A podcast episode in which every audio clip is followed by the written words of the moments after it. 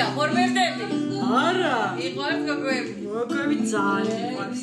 მიყვარს გოგოები, შენი ფიქნები, მიყვარს გოგოები. გოგოები. ლესბიანკების ავტორო გადაცემა. მენო დოქტორი კალები. ძალიან არასერიოზული პოდკასტი. ძალიან არასერიოზული. ძალიან კასოველი პოდკასტია. მოვედი. მოგესალმებით, ესე იგი, ამ სეზონის მეორე ეპიზოდში უნდა გესაუბროთ ლესბოსურ ცეცხლზე, ვნებაზე, დაგვა დაწვაზე და სიყვარულზე რა. რატო გადავწყვიტეთ ამ თემაზე საუბარი ჩემო ნათია? რატო გადავწყვიტეთ? რა გურჯიდა? აა ერთი რომ ბოლო პერიოდში რამდენჯერმე ვისაუბრეთ ამ თემაზე და შენ მე და შენ რო ვიყავით ესე იგი აა ლესბოსურ კონფერენციაზე ბუდაპეშტში. მანდ ერთ-ერთი დისკუსია იყო, ერთ-ერთი power panel იყო ზუსტად ამ თემაზე, სადაც შენც ჩემო ბულბულო თამადაო იყავი და ჩვენს ხალხშიც ჩვენ საქმიანეთშიც უნდა წავიღოთ ეს საუბარი. ზოგადად ლესბოსურ სიყვარულზე ყველა ჯერზე საუბარი არის პოლიტიკური მნიშვნელობის და საჭირო ძალიან დიდი ტაბუა ეს თემა. ამ შემთხვევაში სიყვარულში გულისხმობ აუცილებლად სექსუალურ კავშირს რა, ანუ love making და desire, რასაც ქვია. ერთი სიტყვა ვერ ამოვარჩიეთ და ვნება ცეცხლის სიყვარული ერთად სექსი, ანუ ვნება და desire მაინც ამეთ სექსი შეიძლება არ იყოს რა, მაგრამ აი ესე გამოხატულად ქალებს შორის მიზიდულობა და ამაზე საუბარი სხვადასხვა ფორმით გონია რომ არის ძალიან მნიშვნელოვანი. ვაი მე რისთვის რისთვის არის მთელი არტები ხო? ასადგომად და ჩასასვლელებლად და ვერ გავიგე. ეს მოსელებს რატო გვაქვს მაგის უფლება? ხო აი. თან რავი, ანუ სექსითაც და უსექსოდაც მაგ ანუ ვნებაზე ცეცხლზე სურვილზე და ამ შემდეგ ქალებს შორის მიზიდულობაზე არ არ არ ხდება დიდად ლაპარაკი და გვაკლია, გვაკლია. თაშე მნიშვნელობას კი არ აქვს ლესბოსურ სექსზე საუბრობთ თუ არა, მაგრამ ნუ ქალის მხრიდან ღიად სექსზე საუბარი როგორ შეიძლება აღიქმებოდეს? ჩვენს ბაბლში არა რა თქმა უნდა, მაგრამ ზოგადად რა. ნუ აწილობრივ შეიძლება ჩვენს ბაბლში ხანდახან. ქალის მხრიდან სექსზე საუბარი ჩვენ კარგად გვახსოვს ჩვენი დიადი კორიფე მწერლის თამთამელაშვილის პასაჟი, სადაც ეს ასაკოვან ქალს სექსი აქვს და მუტოს მუტოს არქმევს სექს სექს და ორგაზმს ორგაზმს არც ის მინდა გამოვიდე რომ ვიღაც ფიქრობს რომ კარგი ხა ეს მნიშვნელოვანი არის და რა იზე მაგაზე ჩაიციკლეთ. არა, ეს ძალიან მნიშვნელოვანი არის. მაგრამ სხვა ძალიან ბევრი საინტერესო თემა აქვს იქ მარტო ცხოვრების არჩევა, ქალი რომელსაც უბრალოდ საკუთარ ცხოვრებას განაგებს, რომელიც ხელზე გადის, ამიტომ შეიძლება ესე პირდაპირ არის სმის. როდესაც საუბრობთ რატო ამბობს მუტელი მუტას, ეს ზუსტად საკუთარ ხელზე აგენტობის დაბრუნებაზე ლაპარაკი. ძალიან დიდი დისკუსიები არის ხოლმე. წეროთ უნდა თუ არა ქალებმა ქართულად სექსზე. აი ამ სურვილზე, მიზიდულობაზე რა, ზოგადად როგორც ასეთი და შენ როგორც იცის, ჩემს საყვარელი თემაა და ამიტომ მე მე ვთვლი რომ საინტერესო რა ამაზე გველაპარაკ. კი. ჩვენ ქართველობას. ერთ ჩაციკლობა რო ახსენე, მაგაზე ანუ სუბრაზდები ხოლმე, იმიტომ რომ ანუ აი ჩაიციკლე, რას ქვია ჩაიციკლე, ხო, სიტყვაზე კაცების მიერ დაწერილი ლიტერატურის ძალიან დიდი ნაწილი არის ჩაციკლული, ჩაციკლული ცის ჰეტერო კაცების სასქესო ორგანოზე. და მათ სექსუალობაზე და მათ სურვილზე და არა მხოლოდ და მაგას კითხვის ნიშნის ქვეშ ანუ აი ფემინისტი კრიტიკოსი თუ არ ხარ, იშვიათად აყენებს ხალხი, ხო? ანუ ეგ აღიქმება როგორც ნორმა. და ეგ ძალიან მაბრაზებს ხოლმე, ამიტომ იცი რა არის, ანუ რომც ჩავიციკლოთ, გვინდა და ვიციკლებით. შეგვეშვით. არ მოგწონს. ხო, ხო, იციკლებით. გადადეთ ხო, რა, ანუ ჩვენ რასაც გვინდა, იმაზე ვიციკლებით. მეორე ესეთი კორიფე მწერალი რო ვახსენო, და ამ შემთხვევაში კორიფებს უბრალოდ კაცებს ვართმევთ და ქალების კონტექსტში ვახსენებთ, მაგრამ არც ერთ შემთხვევაში ეს არ არის ირონიული. უდიდესი ქართველი პროზაიკოსის ნინია ხარატიშვილის პიესა ფედრა ცეცხლის ალში, რომელიც არის ჩვეულებრივი ლესბოსური დრამა. აღარ მოსვლა ამ თემასთან ამ ინტერვიუზე არის საუბარი თუ სხვა ინტერვიუში იყო, ნინო საუბრობდა რომ ინდიგოში იყო მე მგონი ეს ინტერვიუ, ქართულად თუ სექსზე რო იყოსო რაღაცებიო, ალდება ტექსტი დაიწოებაო და ნუ მიუხედავად იმისა რომ ძალიან ძალიან დიდ პატივს ვცემ ნინოს და ძალიან მიყვარს. ამ ნაწილში საერთოდ არ ვეთახმები. თუ ჩვენ რისკებს არ გავწევთ, მაშინ დარჩებით ყოველთვის მანდ, რომ ვინც არ უნდა ილაპარაკოს ქართულად სექსზე, ყველაფერი ყოველთვის დაიწובה. აი თუ არ ვცადეთ, კისერից თუ არ წავიტეხეთ და რაღაცა ახალი ნარატივები თუ არ შევთავაზეთ სექსის თემაზე, ყოველ შემთხვევაში კაცებმა ჩვენს ნაცვლად არ უნდა ილაპარაკონ, ეს არის ფაქტი. მე აქ გავაპრობლემებდი კისრის წატეხვის კონცეფციას როგორც ასეთი იმიტომ რომ ანუ ამ ამ შემთხვევაში ცოტა ვერ ხვდები რა რა შეიძლება წაიტეხო კისერი როდესაც შენ ხარ დაკავებული იმის ასე ვთქვათ შექმნით და შემოტანით რაც რაც ფაქტობრივად არ არის. ან წირე ძალიან მცირე დოზით არის ხო? იგივე ქართულ ლიტერატურაში ანუ მე მე მგონია რომ ახლა ქვებით გამოგვიკიდებიან ყველავენში, მაგრამ ეს ის ხალხია, რომლებიც ისედაც ამ ჩვენს ღირებულებით მასე არ დგანან პრინციპში, ხო? სანამ არ ვცდით და სანამ არ დავიწყებთ ამაზე ლაპარაკს, ამ ნარატივს არ შემოვიტანთ, შენ შენ როგორც ამბობ, ხო, მანამდე ხო კი ყველას ყურებით აგვიწით ხდება და ტექსტის და ჩვენს ავალდებით და რაღაც. ანუ იმიტომ რომ ზოგადად ხო არის არის ეგ მომენტი, რომ ქართულად სექსზე საუბარი და ტონი, როგორ ქვია, setting the tone ქართულად რა, მოკლედ ამ პირობებს და და ტონს გვთავაზობდნენ ძირითადად კაცი მწერლები, ხო?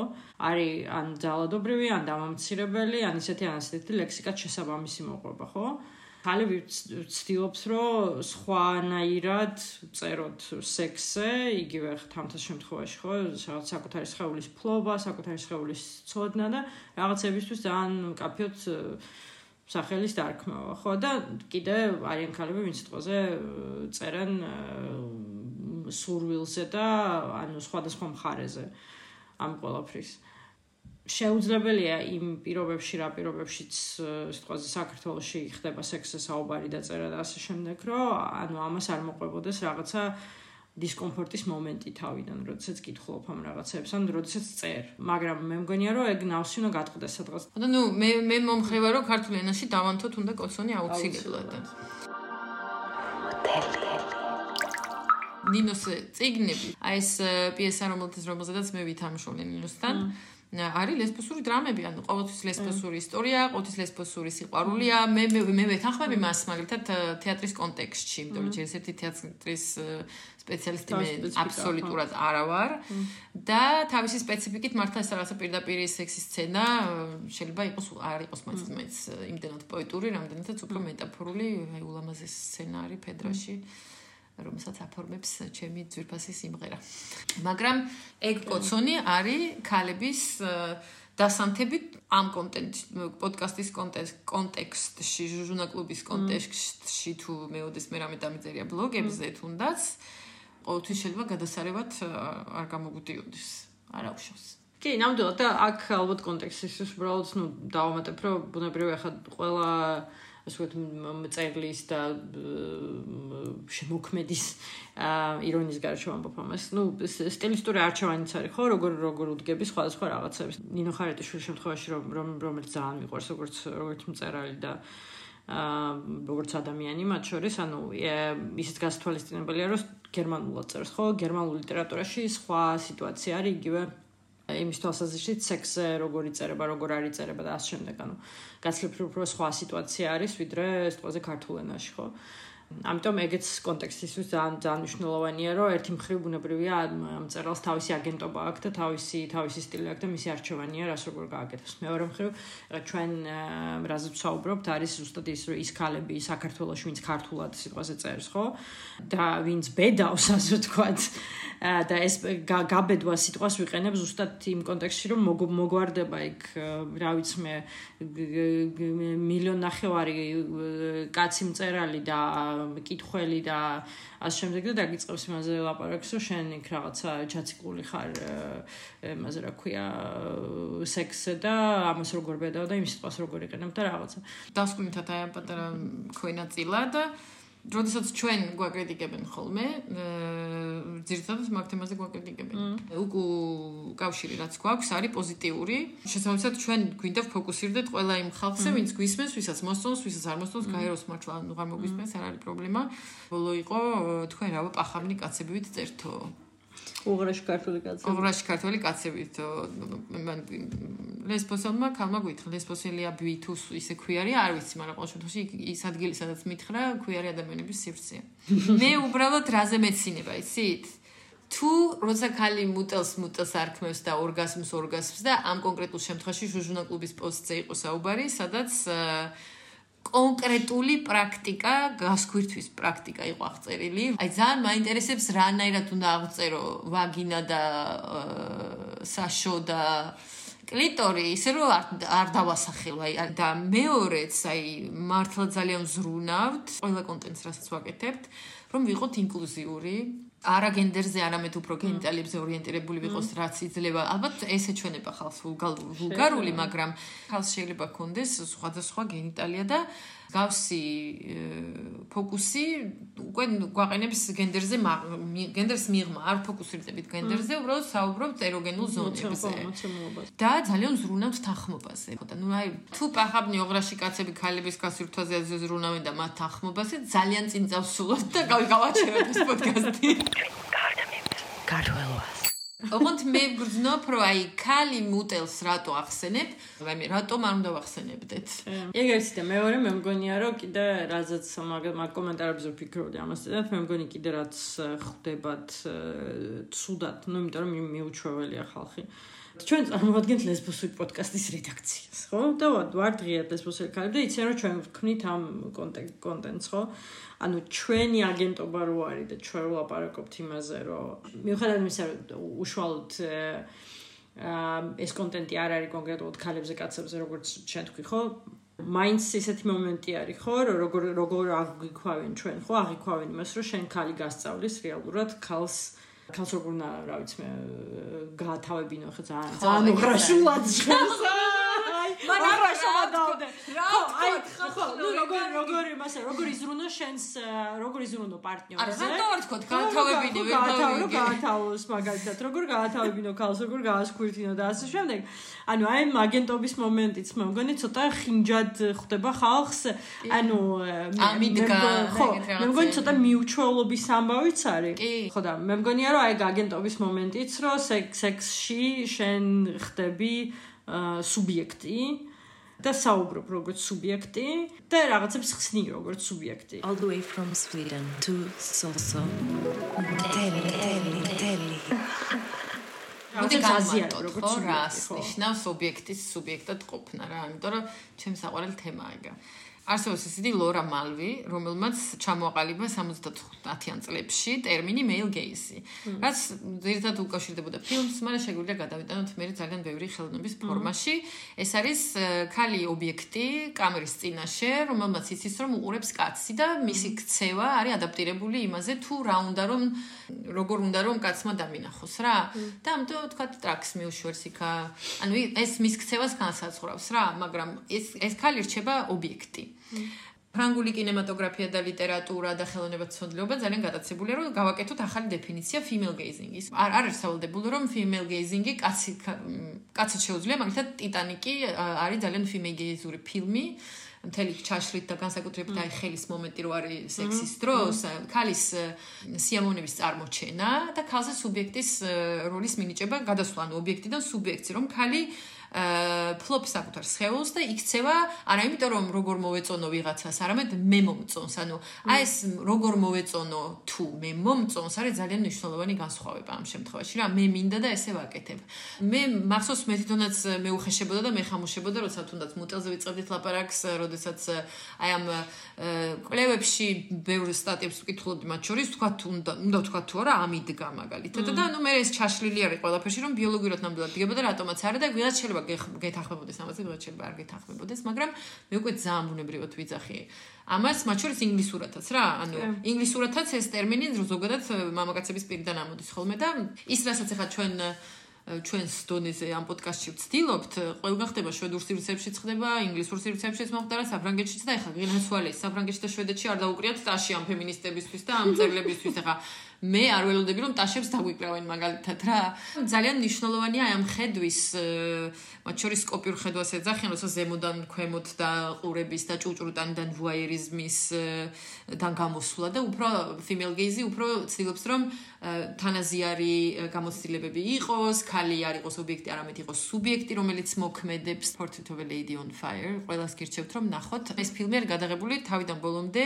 სელინ სიამას აქ ნაფიქრი, ერთ-ერთი ცნება მ, სექსის სცენარი, პენეტრაციის მთელი ფორმის ფორმატის შეცვლა, რომ იღლიაში თით სუცურებს ესე მაგალითად იქ მე რო ერთ მომენტში რო ხატავს აი ფეხებს შორის უდებს სარკეს და ქალების ფეხე ქალის ფეხებს შორიდან საკუთარ თავს უყურებს და უნდა რომ ერთი კადრი გადაიღო ორივე ჰორიზონტალურად, ისე რომ ორივე ერთ კადრში ჩანდა ერთ და იგივე სიმაღლეზე და თვითონ მხატვარი რახან სარკეში ჩანს, ვერუსურ პატარა, ვიდრე თავისივე მუზა.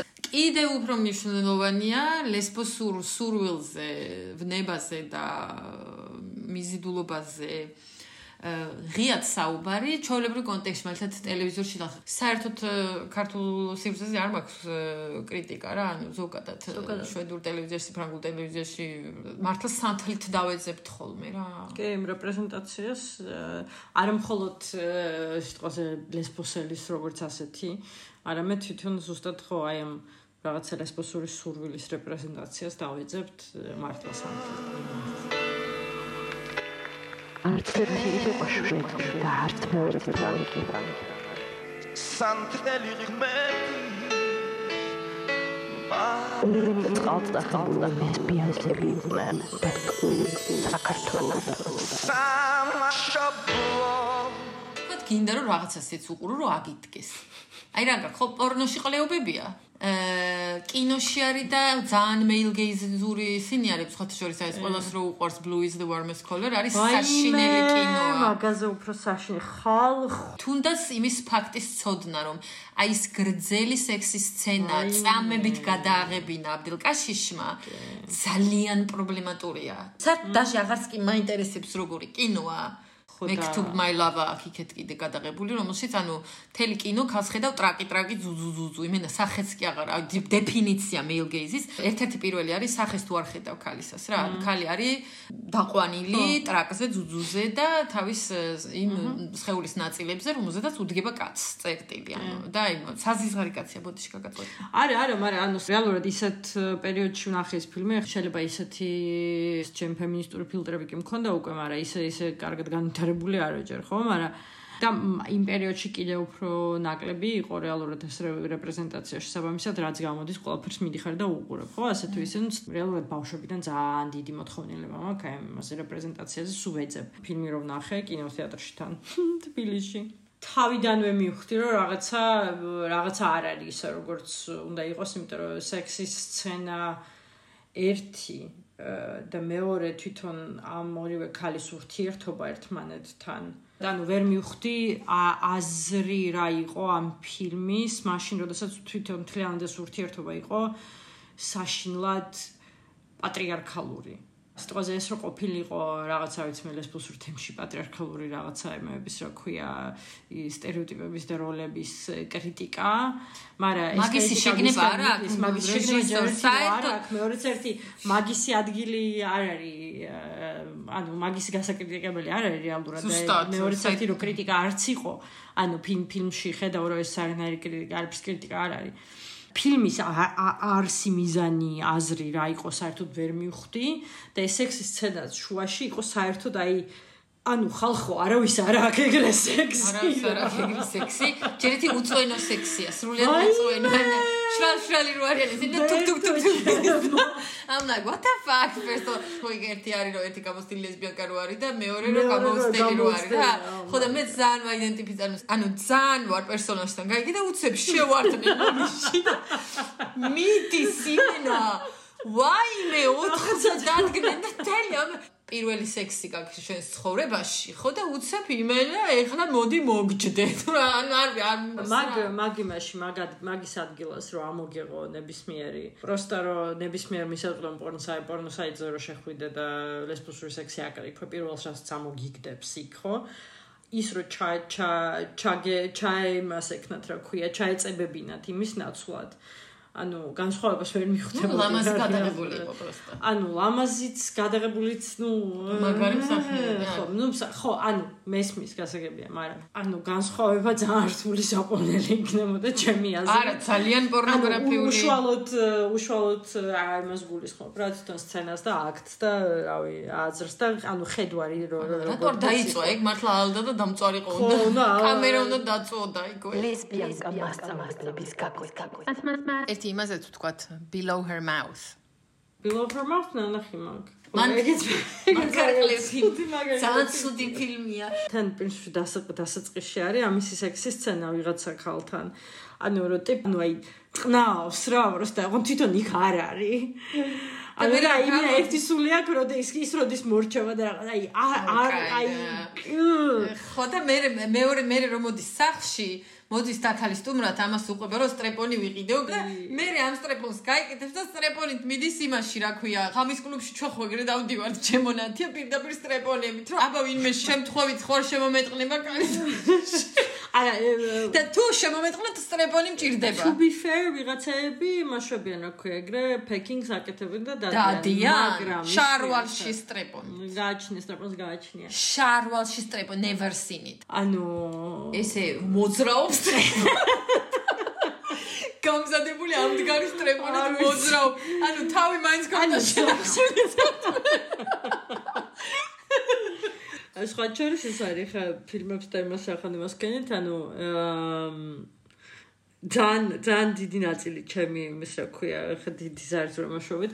ანუ The Award-ის სერიალი Award-ის იმიდან მივიღე ძალიან ბევრი ინფორმაცია სექსზე, მაგრამ ოღონდ წლები დამჭირდა იმისთვის, რომ ამას მიქნა რა ქვია, გამერკვია კი არა და ხო მისულიყავი იმ დასკვნამდე, რომ რეალურად კონკრეტულად შეინი, რომელზეც ყველა ყველა აფრენს და რაღაცა ძალიან ცუდი სექსის სცენები ქონდა, იმიტომ რომ აი გამოყვანილი იყო რაღაცა იმათ რა ქვია fuck boy-ით, რომელიც ოღონდ აი რა ძალიან ცუდად იყო გადაღებული რა. მეორე, მან რა ქვია, მეორე ნაწილი ახლა რაც კი რაც გადაიღეს, იქ გაცემს რომ უკეთესია. უფრო ესე არის და დაფიქრებულად არის სექს სცენები გაკეთებული. ლესბიანკების ავტორო გადაცემა.